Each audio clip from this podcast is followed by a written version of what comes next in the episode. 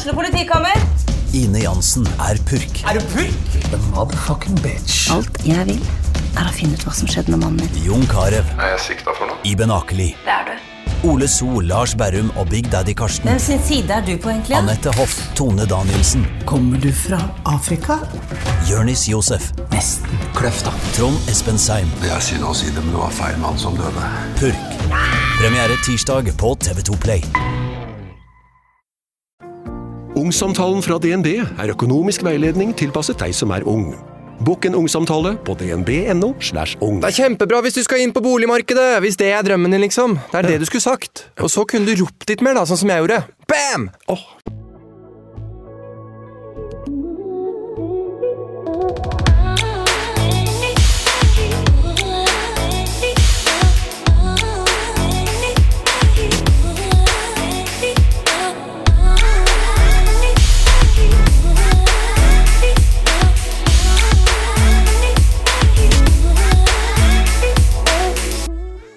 Julie ble forelska i bestevenninna si. Det var bare ett problem. Venninna, Aka Camilla, hadde kjæreste. Og det var en mann. Hvordan gikk Julie og Camilla fra å være venninner til å nå være gift og på bryllupsreise? Hvordan har reisen vært, og hva er egentlig historien? Hvordan har det vært å stå i alle tilbakemeldingene, og hvordan er det å stå i det hatet jeg vet at Julie ofte får? I dagens episode snakker jeg altså med Julie, som virkelig har tatt av på TikTok den siste tiden. Hun gikk fra å være kjæresten til influenser-Camilla til å ha 2,6 millioner følgere på TikTok og være et stort forbilde for skeive verden over. Jeg gleder meg til å høre hva Julie har å fortelle om fremtidig barn, den reisen, hennes forhold til pride og de utfordringene og oppturene hun har møtt på veien som skeiv. Så nå slår jeg på tråden til Julie, som er på bryllupsreise, og jeg gleder meg stort.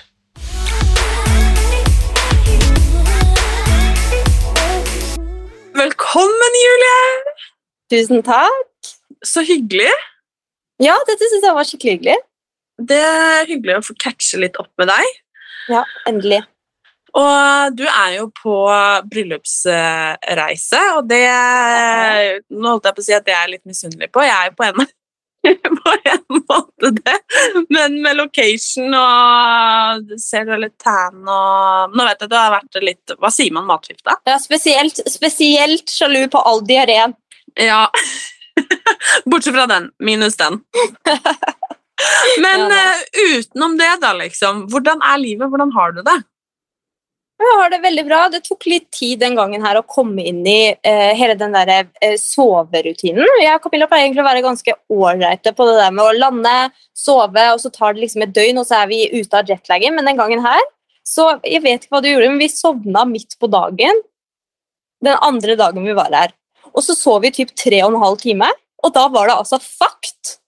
Da, var vi, da sov vi ingenting typ de tre neste nettene, men nå har, vi, nå har det ordna seg igjen. Så det var en litt sånn brå start, men bortsett fra det så har det vært smooth som faen. Bortsett fra diareen. Bortsett fra diareen. For altså vi, Jeg syns vi skal begynne litt eh, Vi skal spole tilbake noen år, tenker jeg. Vi skal For spole tilbake noen år. Ja, er du klar for det? Jeg er klar. For eh, livet har jo forandra seg 360 grader for din del. Ja, absolutt. Og nå sitter du der med drømmedama. Du er gift. Du er i Bali. Eh, du eh, gjør det du elsker, og eh, det har jo skjedd relativt fort.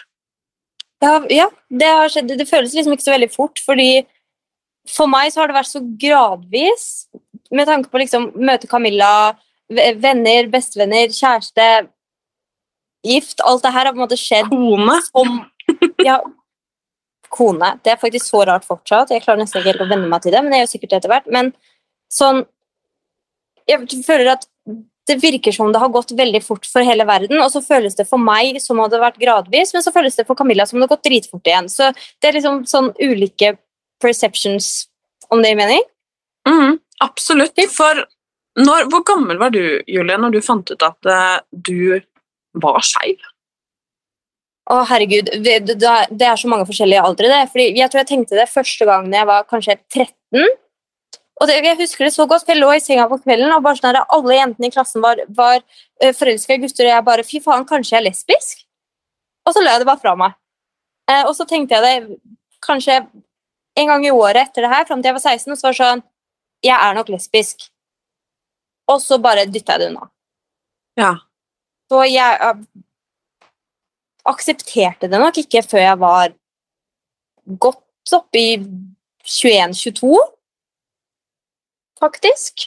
Det tok, det tok veldig, veldig lang tid for meg. Hvorfor tror du at det gjorde det, og hvorfor tror du at du på en måte forsøkte å tenke, eller legge det bort, da?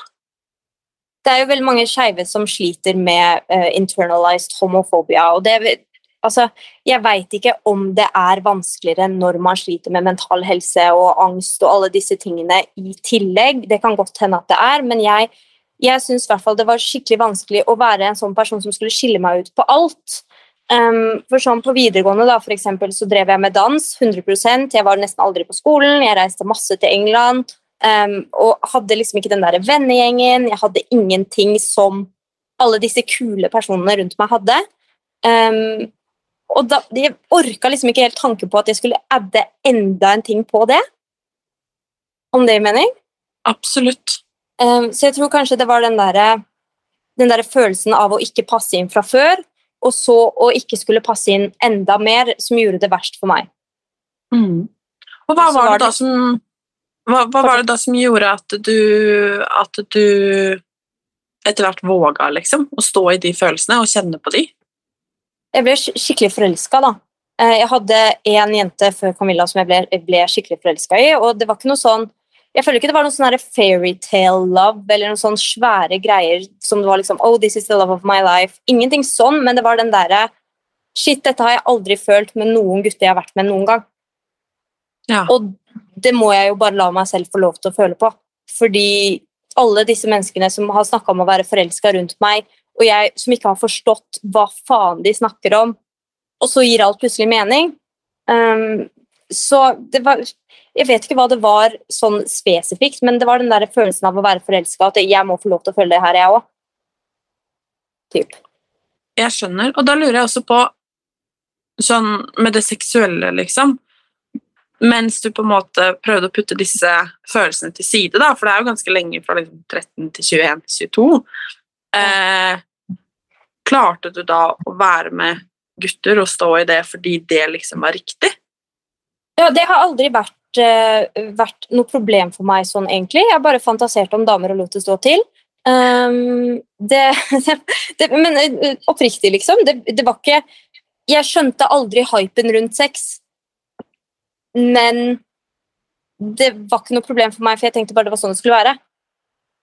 Så tenkte jeg at alle så på lesbisk porno, og at alle tenkte på damer mens de lå med menn. Eh, og at alle på en måte hadde disse følelsene. Så jeg var så på en måte dypt inne i min egen fornektelse at jeg skjønte ikke at det var unormalt. Eh, så det, det tok lang tid, og denne første jenta, før jeg engang skjønte hvordan det egentlig skulle være. Ja. Så når man er i den fornektelsen, så er det liksom ikke sånn Oi, shit, jeg er lesbisk, nå må jeg tvinge meg til å ligge med en mann. Det er mer den derre Oi, shit, dette føles ikke så bra som alle andre sier at det skal være, men det er visst bare sånn det er for meg. Så hvordan var det da første gang du faktisk var med en dame, og, og nå, da? Fra da, liksom? Altså, det har jo bare gått oppover, da. Det er jo, altså, første gang så var jeg nok det, det var jo det beste jeg hadde gjort noen gang, men jeg var jo fremdeles drittredd, og det var jo skikkelig rart. Og det var jo, jeg hadde jo ingen sånn type annet enn det jeg hadde sett på porno, da. Typ å liksom forholde meg til, fordi det er kjempelite representasjon. Det er jo ingen som snakker om hvordan man har sex med jenter på ungdomsskolen. Eller gjorde, forhåpentligvis gjør de det nå, da, men de gjorde ikke det når jeg gikk på ungdomsskolen. Um, og så var det liksom sånn Hva faen gjør jeg? Det skjønner jeg. Ja, ja, ja. Um, Men, men hun jeg var med, var heldigvis litt mer erfaren enn meg, så hun fikk guide meg litt rundt. Men um, når, man, når jeg først fikk slappe av, så var det alt. Typ. Det var alt annet enn det det hadde vært med menn, og skikkelig fint, og typ de følelsene som alle straighte folk rundt meg hadde forklart, kjente jeg meg plutselig igjen i. Så Så fint. det var nice. Ja, det var fint. Ja, det var nice, det kan man si. Men har du, har du skamma deg for å føle som du gjør og tenke som du gjør? Ja, altså hele, hele den der internalized homofobia-biten handler jo så sykt mye om skam. Og jeg føler ikke jeg skammer meg så mye nå lenger, men jeg følte jo masse på skam da jeg Jeg kom jo aldri ut, for, for det første. Altså, jeg hadde nå aldri sånn her big coming out-story, for det hadde jeg aldri. Jeg sendte bare melding da jeg ble sammen med Camilla. Ja. Um, det var det jeg gjorde. Eh, Det var liksom sånn Hei, jeg har en kjæreste, hun heter Camilla, vær så god. Um, pappa nevnte jeg det for en gang, men han bare ignorerte meg. Så det var ikke noe det var, Hadde ingen stor komme ut-greie. Hadde ingen måte, ting hvor jeg sa til vennene mine Camilla visste ikke at jeg var skeiv engang. Nei. Det turte liksom ikke Jeg var Det sitter sikkert igjen litt det jeg snakka om i stad, det der med å være annerledes og, og alt det der. I tillegg så er det sykt mye Da hadde jeg lest, da, og ikke opp, opplevd selv enda, men dette med at straighte jenter ser på deg som skeiv, og så tror de at du er forelska i dem, og så blir hele vennskapsforholdet ødelagt. Og jeg hadde en sånn irrasjonell frykt om at alle vennene mine rundt meg eller alle menneskene mine rundt meg nå skulle tro at jeg var forelska i dem, eller at jeg så på puppene deres, eller alle disse tingene som, som jeg hadde lest. da. Så alt var jo sikkert basert i skap sånn, egentlig. Mm. Det høres jo litt sånn ut. Og jeg Ja. synes det er liksom fint det du sier òg, fordi jeg tror jo at man kanskje tenker at fordi at ja, men sånn som, altså, Hvis man har en god venninne som er, er skeiv, for eksempel, um, så tror jeg uh, Jeg har aldri tenkt det selv, men at veldig mange utenfra kan tenke liksom at nei, men da, da er hun sikkert forelska i deg, eller at man skal være redd for å dusje i samme dusj etter man har vært på trening. liksom, eller disse Ja, masse, masse følgerhistorier basert på dette med, med dusjing. Eh, Det er sykt mange, at jeg har jo på en måte ikke disse opplevelsene selv, så jeg har lagd en del innhold basert på følgerne mine sine historier om når de bare var 13-14-15 og ikke fikk lov til å dusje eh, med jentene etter eh, gym. Fordi de andre jentene hadde klagd til læreren på at denne vedkommende da, så på puppene deres. Mener du det? Ja, det det er masse, masse historier basert på rundt det der, og spesielt i, i 13-14-15-16 års alder, hvor Altså, jeg vet ikke hva det er med folk i den alderen, ja, men de har ikke noe filter og ikke nok kunnskap og ikke nok ting i hjernen, så det blir ofte en sånn forvrengt perception of reality, da. Så det er mye drit som kommer eh, i den alderen. Spesielt skeive, da. Ja.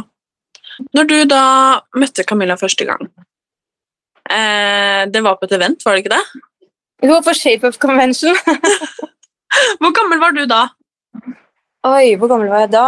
Uh, og nå skulle jeg hatt Camilla for å gjøre matte for meg. Uh, jeg, var, Jeg kan ikke hjelpe deg, for å si det sånn. jeg var uh, 20 20. 21? Ja. 20, 21 var jeg når jeg møtte Camilla da. 21, eller jo, 21. Det er mitt Og da. Camilla, hvor, gammel, hvor mange år eldre er hun enn deg? Seks? Ja, seks, Seks år? Ja. seks og et halvt, ja. ja. Så hun var vel Å, herregud, Ja. var hun så ung? Sjukt. Men eh, da ble jo dere kjent og venner. Ja, det tok litt tid. Um, vi møttes, og uh, det var liksom uh, hyggelig og sånn. Og så fulgte vi hverandre på Instagram etterpå. Og så hadde Camilla en eller annen sånn herre i 2018 en sånn God morgen Norge-sak. Og da sendte hun melding til meg og spurte om vi skulle drikke kaffe etter den. Så det var, det var et par måneder etter, altså. Um, og så begynte vi å jobbe sammen først, fordi hun drev jo Fitnok og hele den greia her. Eh, Mhm. Så jeg lagde stå på hodet-videoer og sånn til Fitnok. Uh, og så tok jeg over Fitnok Instagram-konto i desember 2018, og da begynte vi å henge masse. Så det tok et år ish fra vi møttes til vi begynte å henge masse, så, men da begynte vi å henge masse. Jeg husker det. oh yes, I do! Ja, og Når var første gang du kjente at liksom Ok, det her er dama for meg. Ja, det, det er jo problematisk, det her, da. Fordi det, jeg var jo eh, Altså, var jo ikke det, men jeg følte meg jo som tidenes homewrecker. Um, så det var vel i Vi var i Lillesand. Herregud, i 2019, sommeren 2019. Og så ble jeg plassert på rom med Camilla, og det har jeg sikkert manipulert meg til. holdt jeg på å si. Ikke manipulert meg til, men de, la nok inn noen gode ord for det, tror jeg. Uh, og da uh, husker jeg så sykt godt, fordi de vi var der med, uh, kom inn på rommet og skremte oss. Og så endte det med at jeg er så jævlig mørkredd, så endte det med at jeg hoppa over på Camilla sånn under dyna, skjønner du, mens de sto og skremte oss. Og jeg bare Jeg vil aldri dra herfra. Og det er bare fy faen. Faen. Det er ikke bra, det her, liksom. Jeg bare faen, faen, faen, faen. faen. Så etter det der så så visste jeg det, men samtidig så prøvde jeg på en måte å legge det bort 100 Jeg sa det ikke til Camilla. Jeg didn't make a move, gjorde ingenting sånn, men jeg visste det typ i, i bakhodet. Mm. Og nå er dere gift, tenk på det! Ja. altså Ja, det, det, får man si, faktisk. det og det har vært litt, litt, av en story fra da til nå. Um, ja. Og ja, hvordan har det egentlig vært å stå i liksom hele den historien her i og med at, For Camilla var jo offentlig når dere ble kjent, og har på en måte vokst gradvis siden da. Og enormt den siste tiden. Um, og du også hoppa jo på ballen etter hvert og har vokst og blitt enorm. Um, og hvordan har det vært å stå i denne prosessen med å skulle på en måte kalle det komme ut, da, uh, forelske seg, eh, bli kjærester, bli samboere eh, og gifte seg når det har vært så offentlig som det det har vært, uten at kanskje For Camilla var jo sammen med en mann, og du var jo Hun visste jo ikke, som du sier at Nobody. du Ikke sant? Og det er det jeg mener. Det har jo det er jo en ekstremt personlig og sikkert ganske tøff reise, kan jeg forestille meg. Men så har det vært så offentlig. Hvordan har det vært? Jeg husker jeg syntes det var skikkelig vanskelig typ helt i starten. Fordi um, vi, vi, ville jo ikke vente med å legge det ut. Fordi vi ville ikke at det skulle bli masse spekulasjoner. Og Camilla var jo stor influenser og hele den greia der. Og det hadde allerede vært masse greier på Jodel om at vi gikk rundt og holdt hender og ditt og datt, og hva faen skjer med Camilla og Julie, liksom. Um, så vi, vi, valgte å legge det ut den dagen vi ble sammen. Uh, vi tenkte ikke engang over at det var pride. At det var pride-dag, og at det var liksom 27. juni, og det var liksom wow, for en dag å velge å dele dette på. Vi bare, ja, vi delte det egentlig bare akkurat når det skjedde, men flott. Så det var jo VG, Dagbladet, Se og Hør. Hele internett klikka helt. Og jeg syns det på en måte kanskje tok fra meg litt. Mm. Eh, den der gleden med å, å faktisk være sammen med Camilla, da. Eh, fordi hele den første dagen gikk på å svare telefoner, eh, sjekke sosiale medier, alle disse tingene her etter vi la det ut. Eh, så jeg, jeg syns det var veldig sånn brått. Fordi ingen som hadde skrevet om meg i avisa før, eller jeg hadde jo aldri vært med på noen ting sånt før, liksom. Jeg ante jo ikke hva faen hva greia var. Så det ble litt sjokk om det gir mening. Jeg ble liksom mm. plutselig en person, men så var jeg fortsatt bare Camilla Lorentzen sin kjæreste. Um, så jeg kan se for meg at det var enda tøffere for Camilla å stå i det, men for meg så var det så sykt stor overgang fra å være ingenting til å være alt. Uh, og så det at Camilla følte så fælt på å være sånn her gay icon når hun ikke engang hadde visst eller funnet ut at hun var gay typ før nå, var også tøft. Så de to-tre første månedene av forholdet vårt var ganske tøffe. Det var veldig mye altså, fokus på alt annet enn oss. Om det gir mening. Det var veldig mye fokus på mm. ok, hva slags innhold skal vi lage på Insta, hva slags innhold er lov å lage som skeive på Insta, eh, hva slags, måte, hvordan skal vi gjøre jobben vår oppi det her, hvor mye skal vi dele, hvor mye skal vi ikke dele, og veldig sånn altså komme inn i fase. fordi når det her er, og det vet jo du òg, altså når livet ditt er jobben din, så er det sykt vanskelig å lage et skille mellom hva man skal dele og hva man ikke skal dele. Hvor mye skal man jobbe, hvor mye skal man ikke jobbe. I tillegg så skal jo alle reklamer og alle sånne ting ut alltid på kvelden. Så man kan ikke liksom velge å, å sette bort hele kvelden heller. Og så blir det sånn kaos-summensarium av at alle vil vite alt, og at vi ikke vet hva vi vil dele. Eh, og så var det sykt mye sånn herre Å, herregud, dette er et PR-stunt. Um, Julia rebound. Fy faen, Julie's gonna get heartbroken. Alle disse tingene her som jo var vanskelig for meg i den situasjonen, siden jeg allerede hadde brukt så mye tid på å ikke vite hva som skulle skje. Mm. Um, det var så mye uklarhet og uvisshet og usikkerhet eh, i de månedene før vi ble sammen, um, at alle disse ordene plutselig fikk så mye mer betydning enn de egentlig hadde trengt å ha. Da. Um, så det, det var skikkelig tøft i starten, men jeg føler vi gjorde, vi gjorde det beste vi kunne, og gjorde det beste ut av det, og, og kom oss på en måte inn på en pass som var ålreit. Og etter det så har det gått, gått bedre og bedre, og nå er det veldig, veldig bra. Og det er jeg veldig, veldig glad for også. Ja. Men hvordan er det egentlig å gå fra å liksom å ta det steget, da. Um, selv jeg har jo fått spørsmål fra, fra spesielt unge jenter, egentlig, uten å vite hva Jeg har jo ikke noe erfaring med det, men det hvis man f.eks. Jeg er 16 år, da, og man kjenner at ok, man, jeg tror faktisk at jeg er forelska i venninna mi, liksom.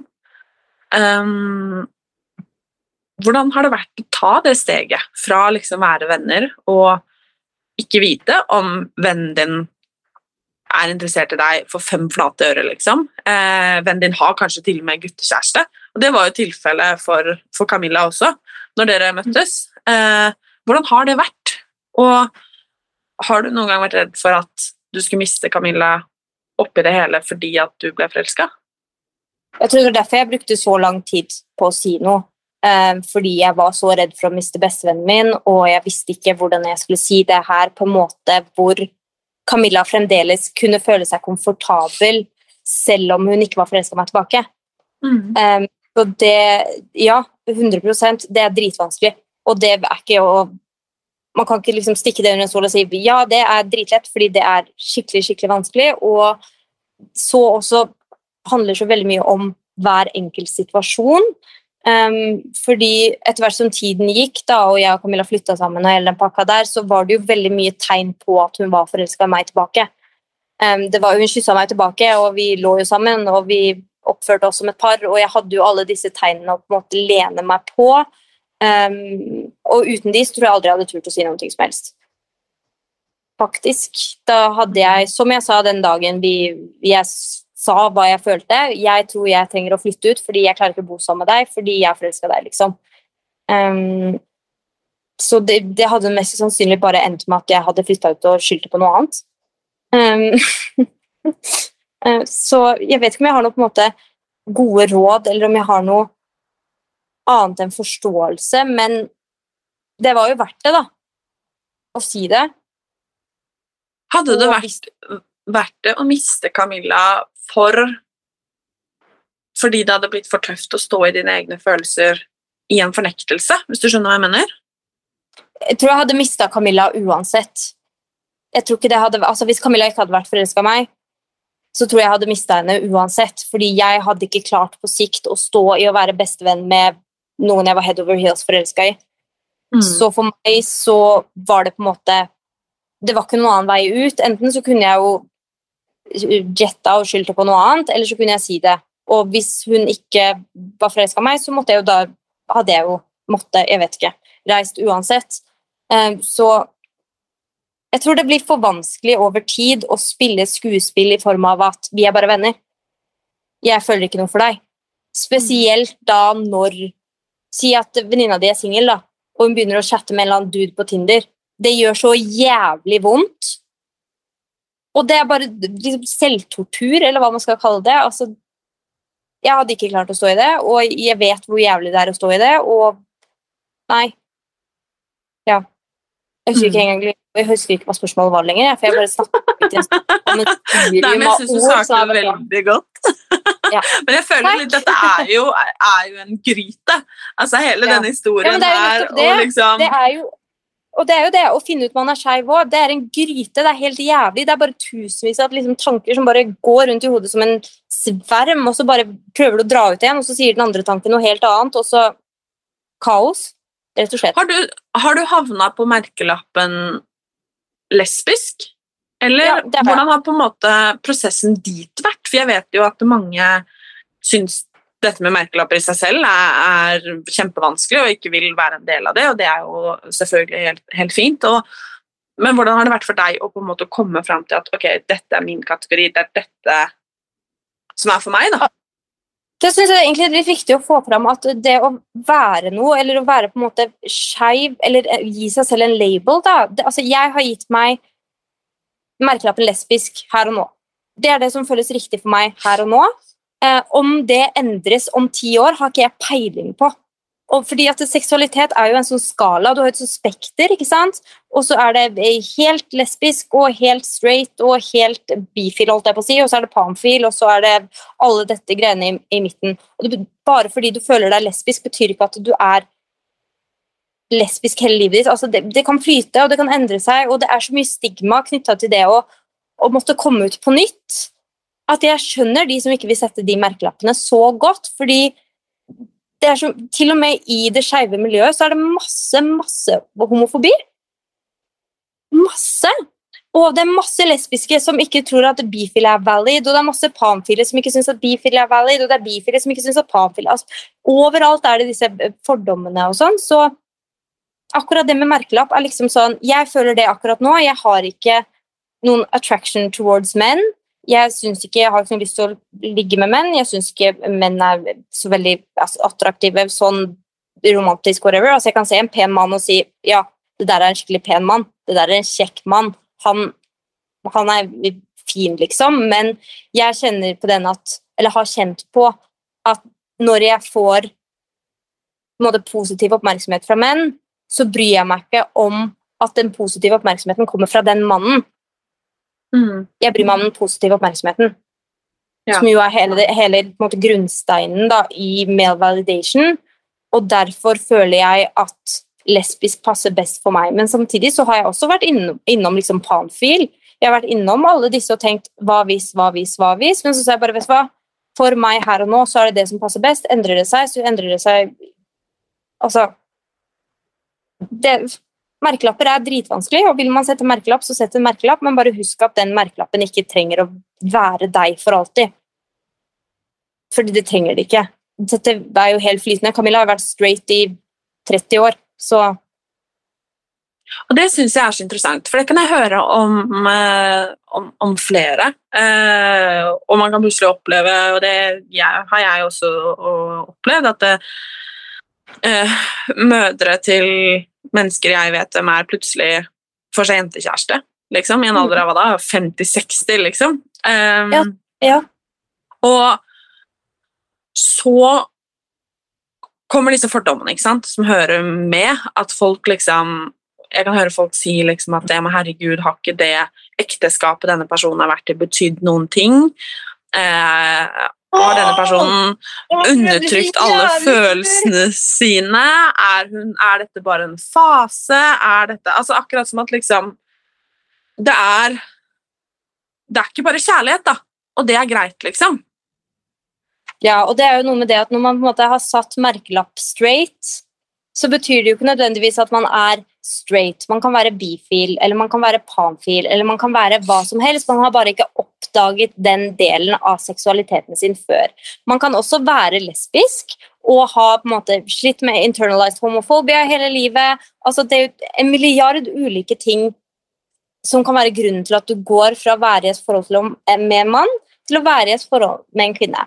Og det trenger ikke være noe annet enn at det bare føltes riktig. Jeg også har jo vært i forhold med menn. Jeg, var, altså, jeg visste ikke at den følelsen jeg hadde, ikke var forelska. Jeg var dritglad i dem. Altså, jeg elska dem. De var altså, helt fantastiske mennesker, og jeg ville ikke, ikke hatt de forholdene for alt i verden.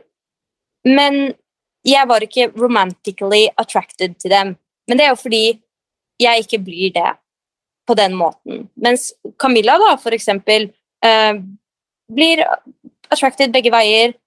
Følelser begge veier. Altså alle disse tingene. Og til og med, hun har jo ikke satt en fast merkelapp på seg, for eksempel, fordi hun vet ikke. Man vet ikke helt ditt og datt.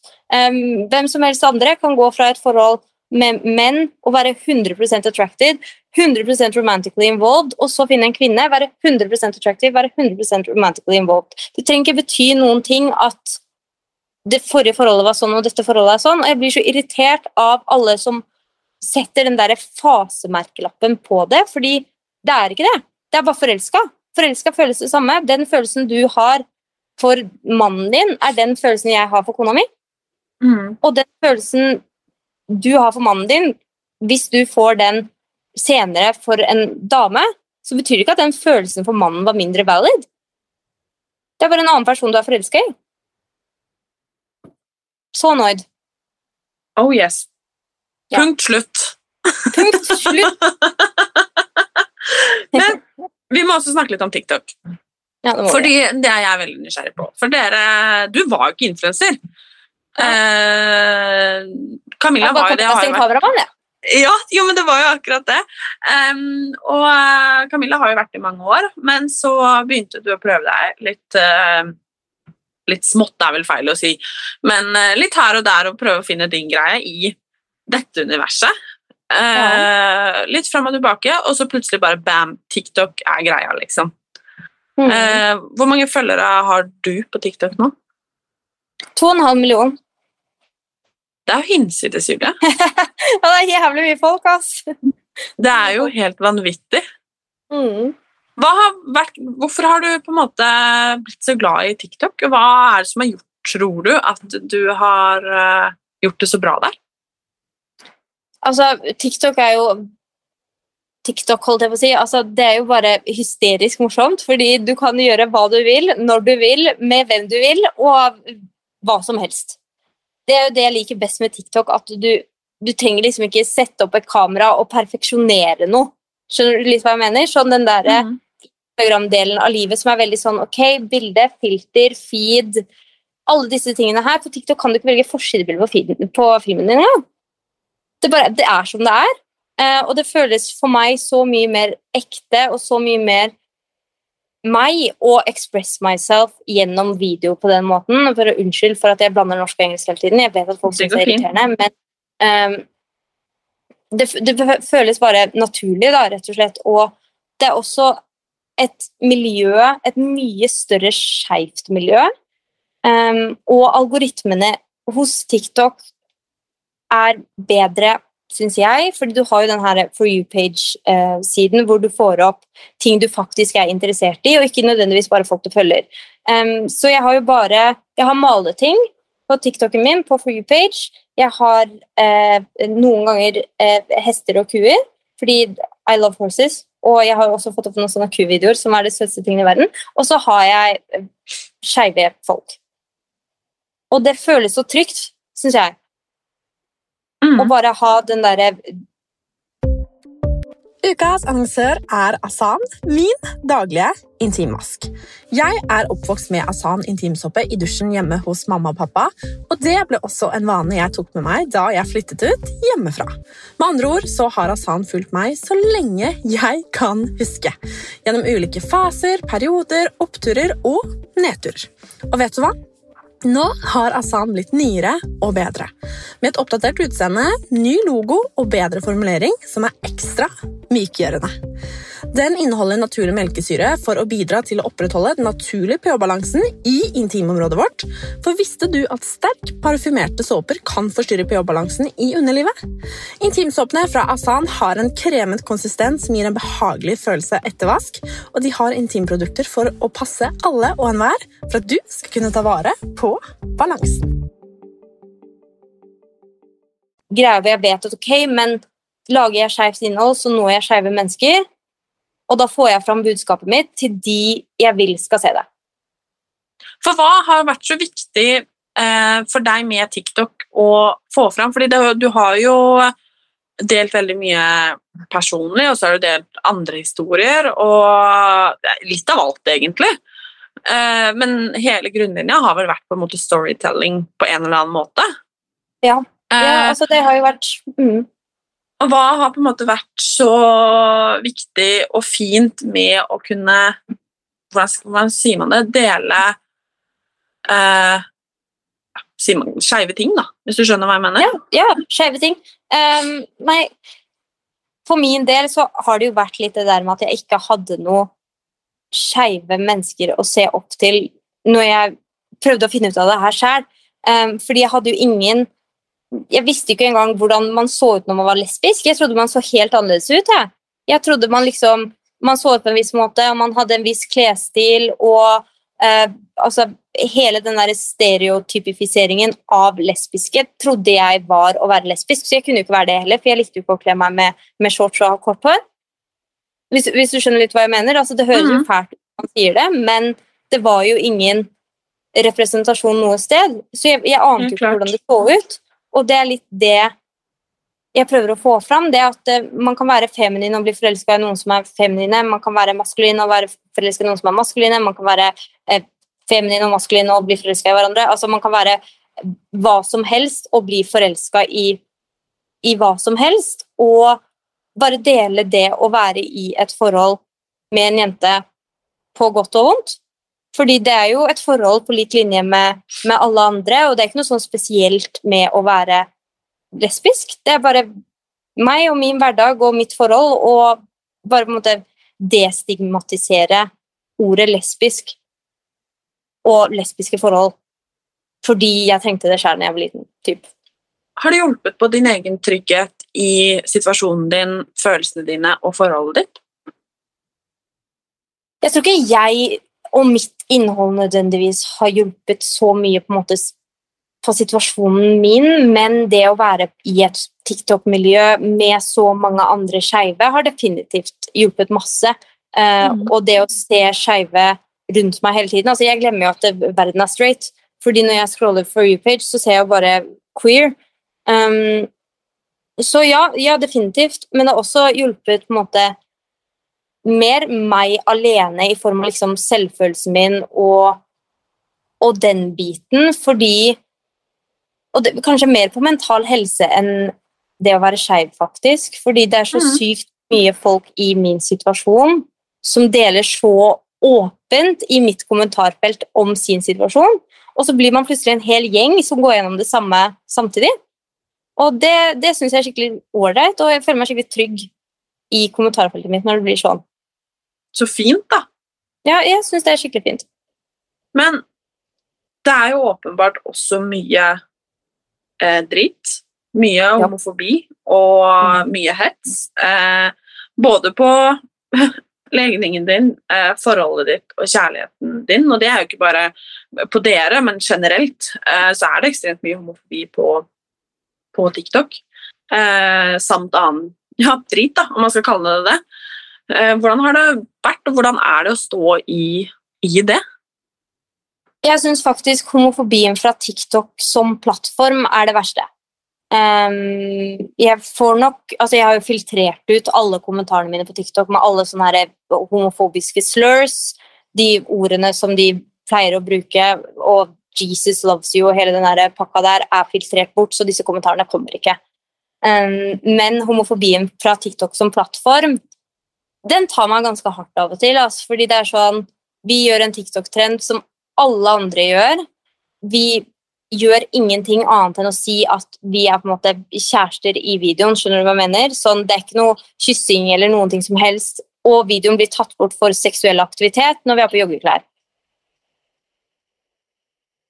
Og den blir fjerna, og jeg blir blokkert fra å poste, og jeg blir eh, altså får sånne warning signs om at det, hele kontoen min skal slettes, og alle disse tingene her. Og det syns jeg er ganske tungt, altså, fordi det føler jeg liksom hele den der karrierehomofobien hvor, hvor alle disse straighte influenserne har mulighet til å, til å gjøre hva de vil, og jeg må limit myself og mitt forhold bare fordi jeg er den jeg er. Og det, det syns jeg er skikkelig tøft, faktisk. Det skjønner jeg kjempegodt. Ja, det, det bare liksom Og så føles det Fordi det, det er ikke noe Man kan ikke skylde det på noen gang, annet enn at eh, TikTok drives i Kina. det er, liksom, det, det er ingen muligheter rundt det. Det er ingenting sånn, så jeg må faktisk limit myself. Jeg kan ikke bare kysse Camilla på stranda, fordi det blir tatt ned for seksuell aktivitet og adult nudity og what not, uansett. Um, og så syns jeg også det er tøft på Instagram. Tøffere enn på TikTok, fordi der er hele eh, Trump-gjengen. Og de er i DM-sa mine hver dag. Så reels-kommentarer leser jeg ikke. Så hvis noen har skrevet en drithyggelig kommentar til meg på reels, så kommer jeg aldri til å se den, fordi 60% av det som kommer når reelsen min går viral, er homofobi. Det er spytegn, og det er 'du burde dø', og det er hvordan de skal finne meg og drepe meg og ha sex med den døde kroppen min fordi det er den eneste gangen jeg er verdig nok til å fortjene pikk, som de sier. Um, og det er um, Ja, der er det mye drit. Fordi du at du er forelska det her er det liksom det mest vanlige i hele verden. Ja, men det er Jeg bare Du kan mene hva du vil. Du kan synes hva du vil. Ok. Men jeg bare Tenk å si disse tingene fordi at du er forelska. Ja, det, det er, er noe spesielt med men Det er liksom fordommer og diskriminering og alle disse tingene som er på en måte noe vi har måttet venne oss til. Og det er det jeg syns er trist, fordi det slår meg ikke så hardt lenger. Fordi jeg er vant til det. Og jeg kunne ønske jeg slapp å si det. At ja, men jeg er vant til det. Det Man blir som jo det, og det er så rart. Man blir litt sånn eh, Det biter ikke på deg på samme måte som det kanskje har gjort. Og det som du sier, jeg er veldig lei meg for at det er sånn. At du må bli vant til at noen sier at du fortjener å dø, liksom. Ja. Fordi du er forelska.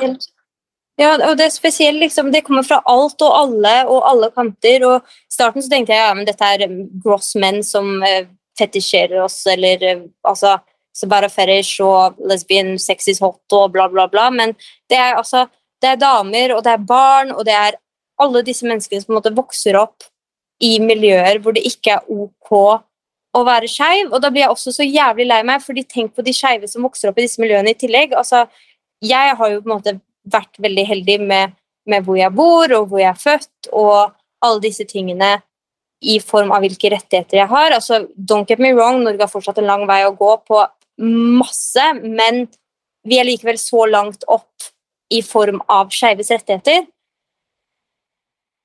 Så vi må jo bare fortsette å jobbe på for resten av verden. fordi fy faen så mye drit som skjer. Og i Tyskland i 2020 så var det en økning til hva? 35% i hatkriminalitet mot skeive mennesker. Mm. Og I Italia, 2020? Mm, Italia i fjor de hadde en sånn stor uh, voldssak i eh, politiske greier, hvor de skulle finne ut av om de skulle ta inn en lov mot hatkriminalitet, eller om de ikke skulle det mot skeive. Og Da valgte de å ikke, ikke ta inn en lov mot hat, hatkriminalitet mot skeive mennesker. Og det som ble delt etterpå, var alle politikerne som sto og jubla og klappa for at den loven ikke kom gjennom. Jeg tror nesten ikke hva jeg hører. Nei, og det er Italia, liksom. Man skulle ikke trodd at, at et så måte, western type land var så Altså langt bak i tid, da. Men så føler jeg også at vi refererer til alt det her som langt bak i tid, og det gjør vi hele tiden. Og vi er sånn ja, ja, men verden har kommet lenger, og herregud, dette skjer jo nesten ikke lenger, og ja, Nei, nei, nesten ingen. Dette er unntaket, men unntaket er jo at det går bra. Mm.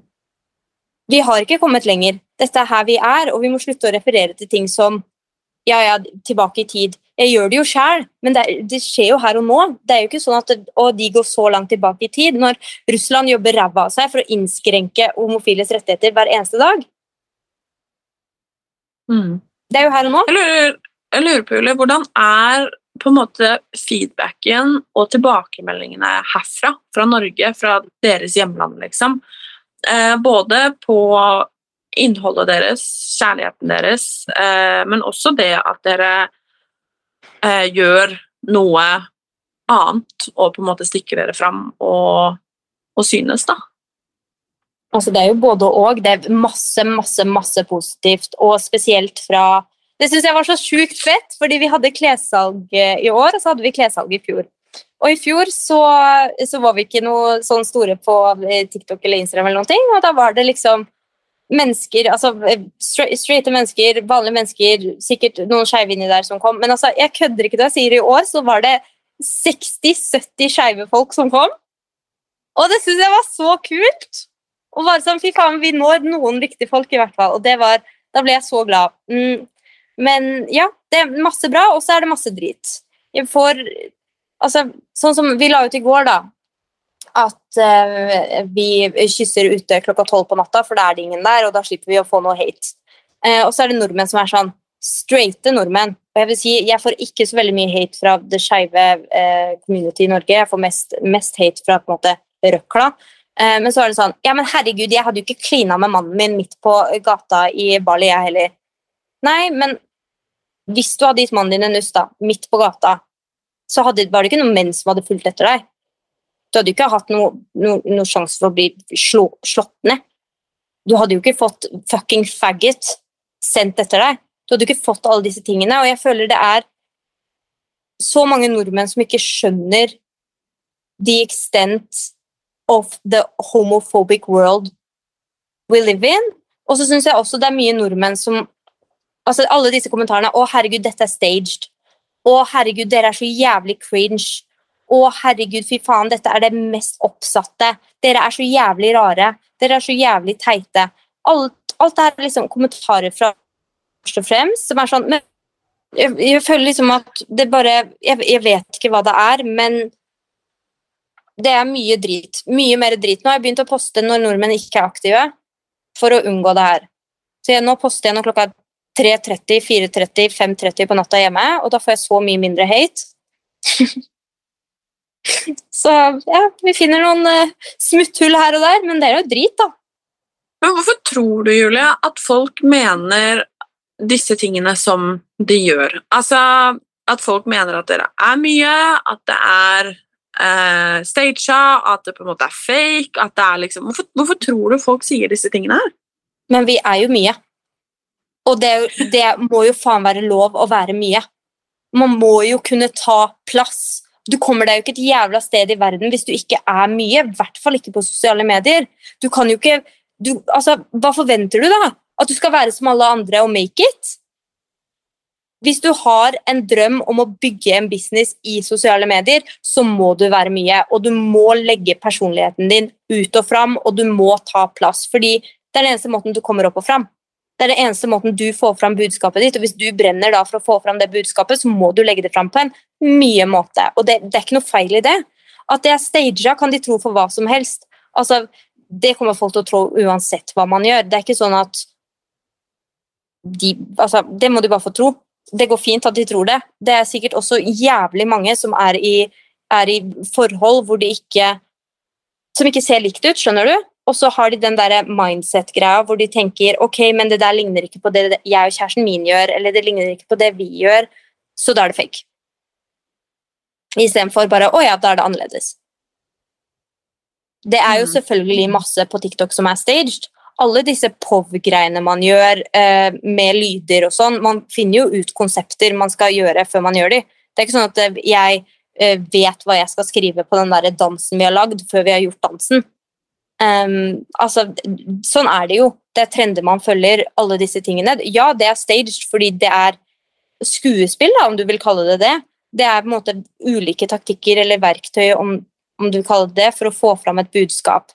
Men disse greiene hvor jeg setter opp telefonen Camilla har ikke peiling, men jeg trenger jo ikke bruke tiden min på å overbevise folk om at om at Camilla ikke vet det, fordi at det når jo de menneskene det skal nå uansett. Og hvis du ikke liker innholdet mitt, så er det ikke for deg. Men jeg kunne ønske at man da kunne scrolle videre istedenfor å legge igjen masse dritt og rapportere og sånn. Det kunne jeg. Enig. Men nå snakker vi om noe litt hyggeligere, og det er kids. Å, kids! Å, herregud. Midt på stranda i stad, har jeg fått en sånn boks av mamma med masse gamle babyklær fra jeg var liten. Og så tenkte jeg på det i stad på stranda, jeg bare, herregud, jeg gleder meg så fælt til å liksom dress up a little baby i mine gamle babyklær. Det skjønner jeg. Herregud, så fint. Vent, da skal jeg bare skru på lyset her, fordi nå er det jo midt i natta plutselig. Ja, Sånn. Sånn. Da så jeg det plutselig igjen. Ja, det var Men, bra. eh, hva, hva er status på babyfronten? For det er klart at eh, utrolig nok så, så kan ikke to menn eller to damer lage, lage barn eh, så enkelt. Så hva Nei, skjer? Hva er status? Dessverre. Det hjelper ikke med en bare pink sparkly strap, dessverre. Nei, eh, vi skal eh, starte IVF med en gang vi kommer hjem. Så vi har vært eh, i møter og hele den pakka der. Eh, møter med donorkoordinator. Alle disse tingene som på en måte må være på plass før man starter med IVF. Um, så det som skjer da, er at jeg skal begynne med eh, to sprøyter. Fordi jeg har fant jeg heller ikke ut før nå, at jeg har PCOS. Um, det fant jeg ut på, på ultralyd for å få baby. Så da skal jeg ta to sprøyter, en for PCOS-sak og en IVF-sprøyte, og det begynner vi med når jeg får augustmensen min. Fordi man skal ta uh, sprøyter første dag i mens. Er det du som skal være gravid da? Er det det betyr? Nei, skal, det er Camilla som skal være gravid med mitt egg. Fancy. Så de skal ta egget ut av meg og gjøre, eh, lage et embryo ved å på en måte fertilisere det med sæd fra donor. Og så tar de det embryoet da, inn i Camilla. Altså, dette, dette er kjemi og fysikk, eller hva det er. kanskje Ja, det er så kult hva science kan gjøre, og det som er så jævlig fett da i tillegg, er at eh, åpenbart så får ikke babyen noe direkte DNA fra Camilla, men eh, det får indirekte DNA, fordi de deler jo bloodstream. Så da har du på en måte tre DNA-er, da. Donor, meg og Camilla. Wow. Men hvordan funker det i Norge? Hvordan er reglene med, med liksom donor? Altså, hvordan funker det i praksis, liksom? Og så må jeg også spørre, hva koster dette her? Fordi hvis jeg har lyst til å gå og lage barn, så er, er det gratis. Eller i hvert fall å lage barn er gratis. det, altså, vi skal Det har jeg ikke snakket med Camilla om, jeg får lov å si, men det gjør jeg sikkert. Eh, vi eh, skal sette av tre strå med sæd, tilfelle vi vil ha tre barn. Eh, det koster 60 000. Per? Bare, sæd. Bare sæden. Ja. Tre, det er 20 000 per. Ja. Um, så det koster 60 000. Og så koster det andre IVF og sånn, typ 100 000, tror jeg. Men det er hvis man er heldig, da. Hvis man får det til. På de første tre forsøkene, typ. ja, for det er jo ikke sikkert man at man blir gravid på første. Nei. Eller andre, eller tredje, for så vidt. Nei, altså vi, vi, det finnes sånne pakker man kan kjøpe, så jeg tror vi har kjøpt en pakke med tre forsøk, sånn at vi har tre forsøk inkludert i den prisen vi har fått. Um, så da må vi ikke betale igjen før det eventuelt blir fjerde forsøk, da. Ja. Men først, det som skjer først, er jo at jeg går på disse IVF-sprøytene, og så eh, følger de mer på ultralyd, og da tror jeg jeg må på ultralyd annenhver dag, typ, for å se hvordan på en måte de eggposene og alt sånt ser ut, fordi alt skal modnes, fordi du har masse egg, ikke sant? Og de skal hente ut alle. Eh, og siden jeg har PCOS, så har jeg typ 50 egg på hvert, hver, eh, hver eggstokk. Eh, så de skal ta ut absolutt alle sammen i en sånn der liten operasjonssak. Gjør tydeligvis helt jævlig vondt, men det er i hvert fall bedre enn å føde. Um, så ja. Helt ærlig så er det på en måte det er den informasjonen jeg har fått. Jeg har valgt å ikke gå inn og se på videoer og sånn av det der, fordi jeg blir så jævlig redd.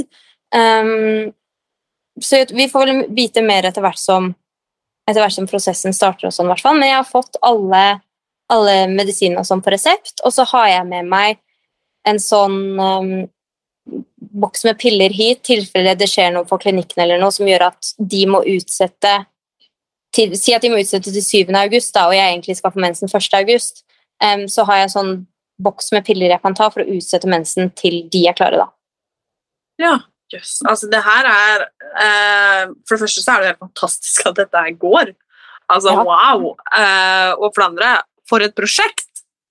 Ja, det er et prosjekt, definitivt. Og det er jo hormoner og, og alt, så det er jo tøft. Og det kommer jo til å bli tøft, men det er jo 100% verdt det uansett. Og vi bare krysser fingrene og håper at eh, vi er eh, superheldige. Så, men altså, hvis alt går etter planen, så skal vi nok være vi- gravide i løpet av eh, september, oktober, et eller annet sted. For å si det sånn, det blir i hvert fall et høyt ønsket barn. Ja, ja det blir det jo. Og så syns jeg også det er så fint. Dette ble jo lovlig i fjor. Ja, oi, det Det visste jeg ikke. partnerdonasjon. Det har vært lovlig med IVF og, og og alt dette lenge, altså. Så don't get me wrong, Norge har ikke vært så langt bak. Men eh, akkurat det som er partnerdonasjon ble ikke lov før i fjor. Og jeg syns det er så kult at to kvinner da får lov til å være en del av prosessen, begge to. Um, for da får man jo altså vært med på greia Jeg syns det bare er så kult at det går an. Har du alltid ønska deg barn? Nei, absolutt ikke. Absolutt ikke. Ikke i det hele tatt. Men det er et eller annet som skjer, vet du. Når vi møtte Camilla, jeg vet ikke hva som skjedde, men det var et eller annet. Så det som skjedde, jo, også var det jo Aya, da, selvfølgelig. Fordi eh, søsteren til Camilla fikk baby typ en måned før jeg og Camilla ble sammen. Og den baby da, så er det søteste babyen som eksisterer. Nå er hun to år, og hun er den fineste ungen. Så jeg tror det var litt Aya sin feil òg, faktisk. Men eh, føler du deg klar til å bli mamma, da? Nei, absolutt ikke. Det tror jeg det, Nei. Nei. Nei, men jo. Men nei. Altså, jeg aner jo ikke noen ting. Jeg vet jo litt, selvfølgelig. Altså, man vet jo litt, og man vet jo alle basics-ting og, og alt mulig sånn her, liksom, men jeg tror ikke man skjønner hvordan det er før det skjer. Jeg vet bare at jeg, jeg i meg selv er klar, men samtidig så kommer jeg sikkert til å være det reddeste mennesket i hele verden. Og så redd for å gjøre alt feil. Og, men det, alle sier at det er normalt for den første babyen, liksom.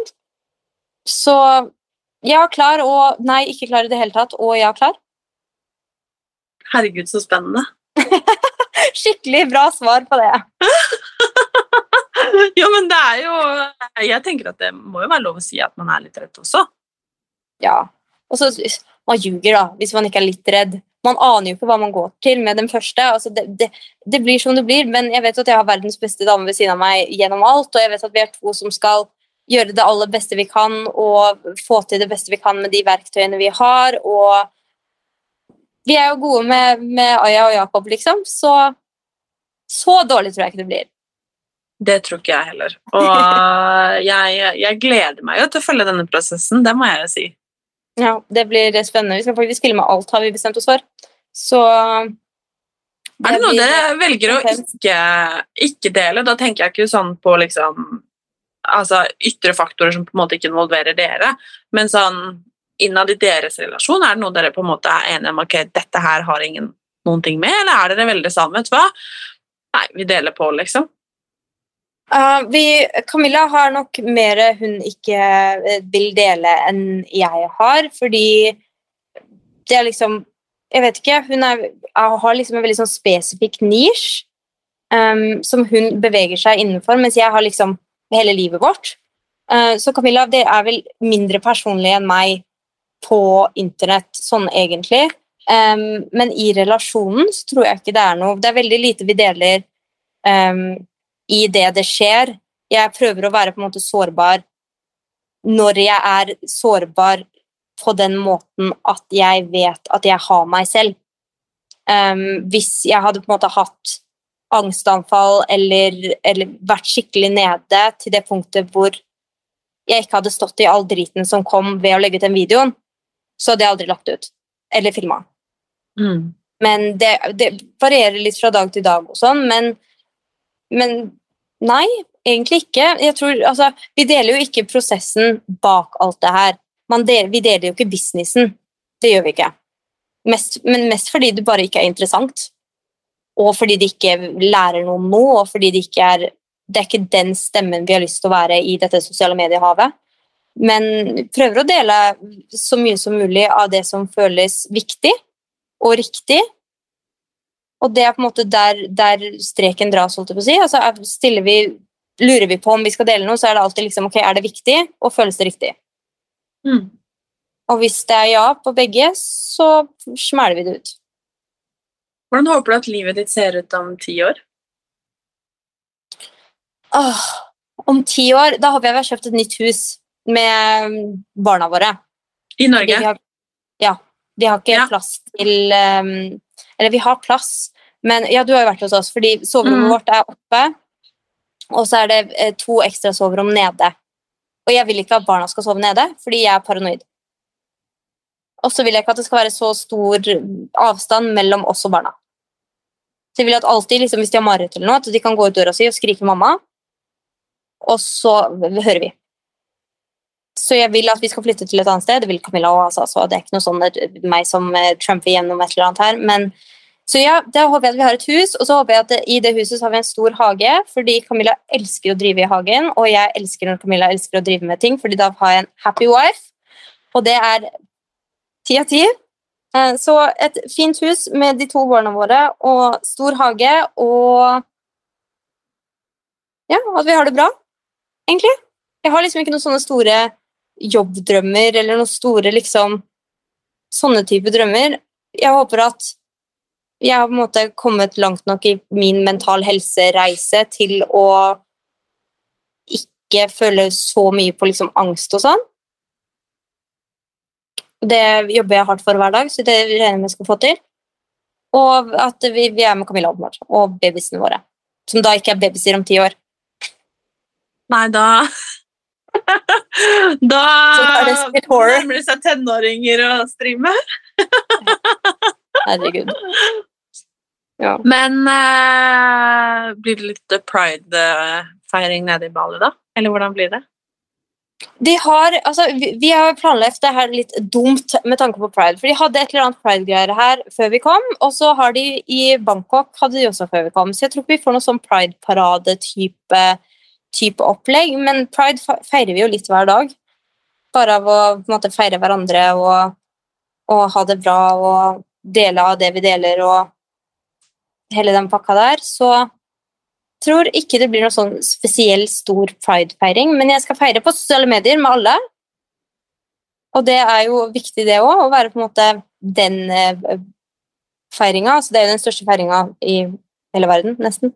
Den Bortsett fra at jeg blir jo halvveis alltid irritert, fordi alle disse merkevarene som lever av gays i juni og ikke gjør noen ting for å støtte oss sånn, egentlig. Men det kan være en prat for en annen gang. Ja, men hva Jeg snakket med en annen her som syntes at uh, han hadde fått det spørsmålet om hva han syntes om at eh, bedrifter flagga for, eh, for pride i juni, liksom. Uh, og han hadde ikke visst hva han skulle svare. Uh, han er også skeiv. Um, men er det dumt? Jeg syns det er eh, kjempe, kjempe, kjempebra at bedrifter støtter opp under pride. Jeg syns det er helt forkastelig at bedrifter lager pride-produkter som de ikke donerer noen ting av til vårt community. Eh, The North Face i fjor lagde telt, pride-telt, som de solgte for jeg vet ikke, 3000 kroner, og donerte 10 kroner per salg til en LGBT-organisasjon. Eh, det syns jeg er helt jævlig. At de på en måte bruker oss utad som en sånn herre greie sånn Yes, pride, pride, pride, og så gjør det ingenting for oss. Så ja, 100% for de som donerer til Trevor Project, donerer til andre LGBT-organisasjoner. Altså, det skal ikke så mye til å faktisk støtte, og ikke bare støtte utad. Men ja, absolutt. vi- vi 100% elsker alle bedrifter som, som viser synlighet og gjør alle disse tingene, men det er en grense før det blir pinkwashing og rainbowwashing, som jeg ikke syns noe om. Vi gjør jo det også den måneden her, hvis vi har samarbeid med, eller pride-samarbeid med eh, merkevarer. Så takker vi nei hvis de ikke donerer til noen LGBT-organisasjoner, fordi det er forkastelig. Well said. Thank you! Thank you very much. Men ja, altså generelt så er jo alle regnbuer bra regnbuer, og det er jo kjempebra med synlighet. Og det er jo ikke nødvendigvis noe liksom problem, men jeg syns det er altså, tragisk å bare slenge på en regnbue profi- på profilbildet sitt og kalle det en dag. Da kan du jo på en måte stå i at du egentlig ikke støtter, tenker jeg. Mm. Dette her var en skikkelig hyggelig catch-up, Julie. Likeså. Og Det eh, selv om eh, jeg sitter i Norge og du er på andre siden av, eh, av jorda, så gikk det bra, syns jeg. Ja, det ble bare kutt to ganger, og det var bra. Ja. men, men. Det er eh, sånn er det. det. Jeg er bare glad vi fikk det til, og at uh, du hadde lyst til å være med og spre både eh, kunnskap og egne erfaringer og tanker, og, og kjærlighet, ikke minst. Takk. Så tusen takk. Og så bare siste spørsmål, kanskje.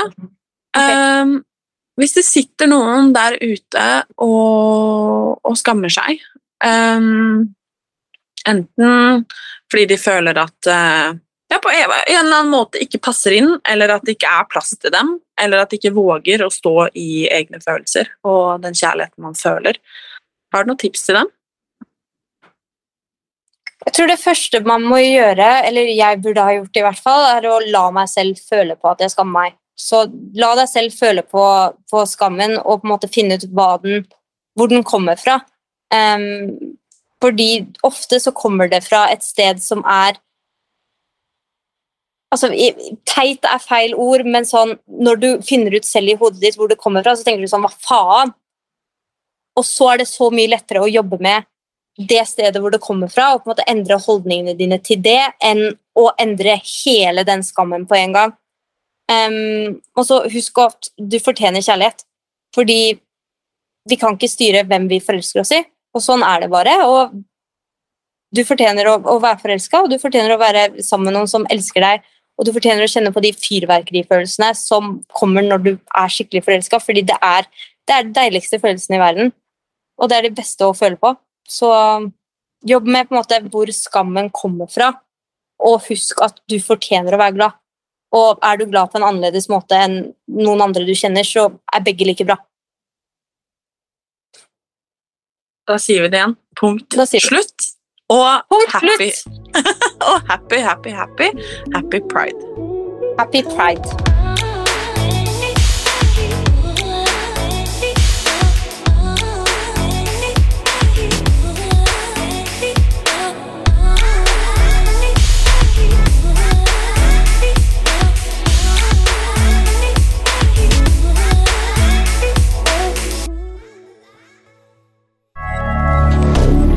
Moderne media.